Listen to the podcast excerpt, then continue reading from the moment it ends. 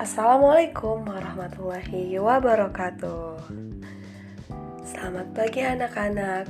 Hari ini kita akan membahas materi mengenai upaya mempertahankan kemerdekaan Indonesia. Setelah kemarin ibu menugaskan anak-anak untuk menuliskan upaya anak-anak semua bagaimana nih sih ya caranya untuk mempertahankan kemerdekaan Indonesia gitu sebagai seorang siswa. Nah, hari ini kita akan membahas bagaimana dahulu kala para pahlawan Indonesia mempertahankan kemerdekaan Indonesia. Nah, tidak hanya dilakukan melalui pertempuran, namun juga upaya mempertahankan kemerdekaan Indonesia ini dilakukan melalui jalur diplomasi, perjanjian, dan perundingan. Contohnya seperti perjanjian Lingkar Jati, perjanjian Renville, perjanjian Roem Royzen, dan konferensi Meja Bundar. Yang pertama, perjanjian Lingkar Jati. Anak-anak, Perjanjian Linggarjati ini terjadi di tanggal 15 November 1946 sampai 25 Maret tahun 1947. Perjanjian Linggarjati adalah perundingan antara Indonesia dan Belanda di Linggarjati. Jawa Barat yang menghasilkan persetujuan mengenai status kemerdekaan Indonesia. Perjanjian tersebut ditandatangani secara sah oleh kedua negara pada 25 Maret tahun 1947. Nah, apa saja sih hasil dari, dari perjanjian Linggarjati ini? Yang pertama, Belanda mengakui secara de facto wilayah Republik Indonesia, yaitu Jawa, Sumatera, dan Madura.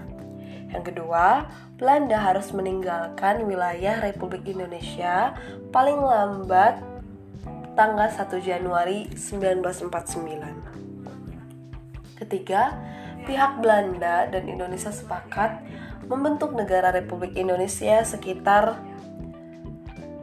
Negara Republik Indonesia Serikat atau RIS. Kemudian yang keempat, dalam bentuk KRIS, Indonesia harus bergabung dalam Commonwealth atau persemakmuran. Perjanjian lingkar jati ini menimbulkan pro dan kontra di kalangan masyarakat Indonesia. Tentunya dalam pelaksanaannya, pihak penjajah ini melakukan pelanggaran-pelanggaran anak-anak sehingga terjadilah cekcok ya terjadinya kesalahpahaman, kembali terjadinya uh, upaya-upaya yang dilakukan oleh tokoh-tokoh kemerdekaan setelah 17 Agustus di Indonesia. Apa saja pelanggarannya? Yang pertama, pelaksanaan hasil perundingan tidak berjalan mulus yaitu di tanggal 20 Juli 1947 Gubernur Jenderal Haji Van Mook akhirnya menyatakan bahwa Belanda tidak terikat lagi dengan perjanjian ini. Kemudian lanjutan dari itu pada tanggal 21 Juli 1947 meletuslah agresi militer Belanda satu. Nah, lanjut ke Perjanjian Renville. Perjanjian Renville terjadi pada tanggal 8 Desember 1947 sampai 17 Januari 1948. Perjanjian ini dilakukan antara Indonesia dan Belanda. Perjanjian ini ditandatangani pada tanggal 17 Januari 1948 di atas kapal perang Amerika Serikat yang berlabuh di pelabuhan Tanjung Priuk, Jakarta. Perundingan dimulai pada tanggal 8 Desember 1947. Perundingan ini ditengahi oleh Komisi Tiga Negara atau KTN, yaitu Amerika Serikat, Australia, dan Belgia. Delegasi Indonesia dipimpin oleh oleh siapa? Anak-anak ada yang tahu? Ya, betul sekali dipimpin oleh Amir Syarifuddin. Delegasi kerajaan Belanda dipimpin oleh R. Abdul Kadir Wijojoatmojo. Ya, apa saja hasil dari perjanjian Renville ini? Yang pertama, Belanda hanya mengakui Jawa Tengah, Yogyakarta, dan Sumatera sebagai bagian wilayah Republik Indonesia. Yang kedua, disetujuinya sebuah garis yang memisahkan wilayah Indonesia dan daerah penduduk Belanda. Yang ketiga, TNI harus ditarik mundur dari daerah-daerah kantornya di wilayah pendudukan di Jawa Barat dan Jawa Timur. Kemudian yang ketiga ada perjanjian Roem-Roejem.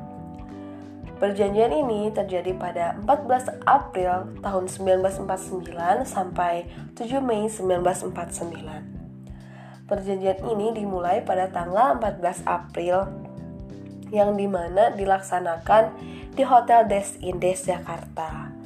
Tujuan perjanjian ini adalah untuk menyelenggarakan beberapa masalah mengenai kemerdekaan Indonesia sebelum KMB di Den Haag.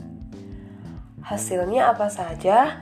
Yang pertama, Angkatan Bersenjata Indonesia akan menghentikan semua aktivitas gerilya. Kemudian pemerintah Republik Indonesia akan menghadiri KMB. Yang kedua, pemerintah Republik Indonesia dikembalikan ke Yogyakarta.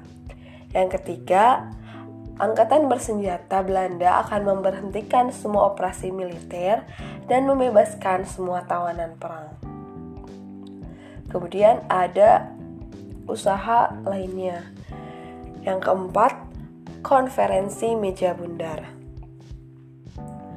Konferensi meja bundar terjadi pada tanggal 23 Agustus 1949 sampai 2 November 1949. Hasil dari konferensi meja bundar ini adalah yang pertama, Belanda mengakui RIS sebagai negara mereka dan berdaulat. Yang kedua, status Irian Barat diselesaikan dalam waktu setahun sesudah pengakuan kedaulatan. Yang ketiga, akan dibentuk Uni Indonesia Belanda. Yang keempat, RIS atau Ras Indonesia Serikat mengembalikan hak milik Belanda dan memberikan hak konsesi dan izin baru untuk perusahaan-perusahaan Belanda. Yang kelima, pengambil alihan utang Hindia Belanda oleh Republik Indonesia Serikat. Itu dia anak-anak usaha-usaha selain pertempuran yang dilakukan oleh tokoh-tokoh Indonesia pada zaman dahulu kala. Menurut anak-anak, perjanjian mana sih yang paling menarik dan berikan alasannya. Sekian pembelajaran hari ini. Selamat menjalani hari. Assalamualaikum warahmatullahi wabarakatuh.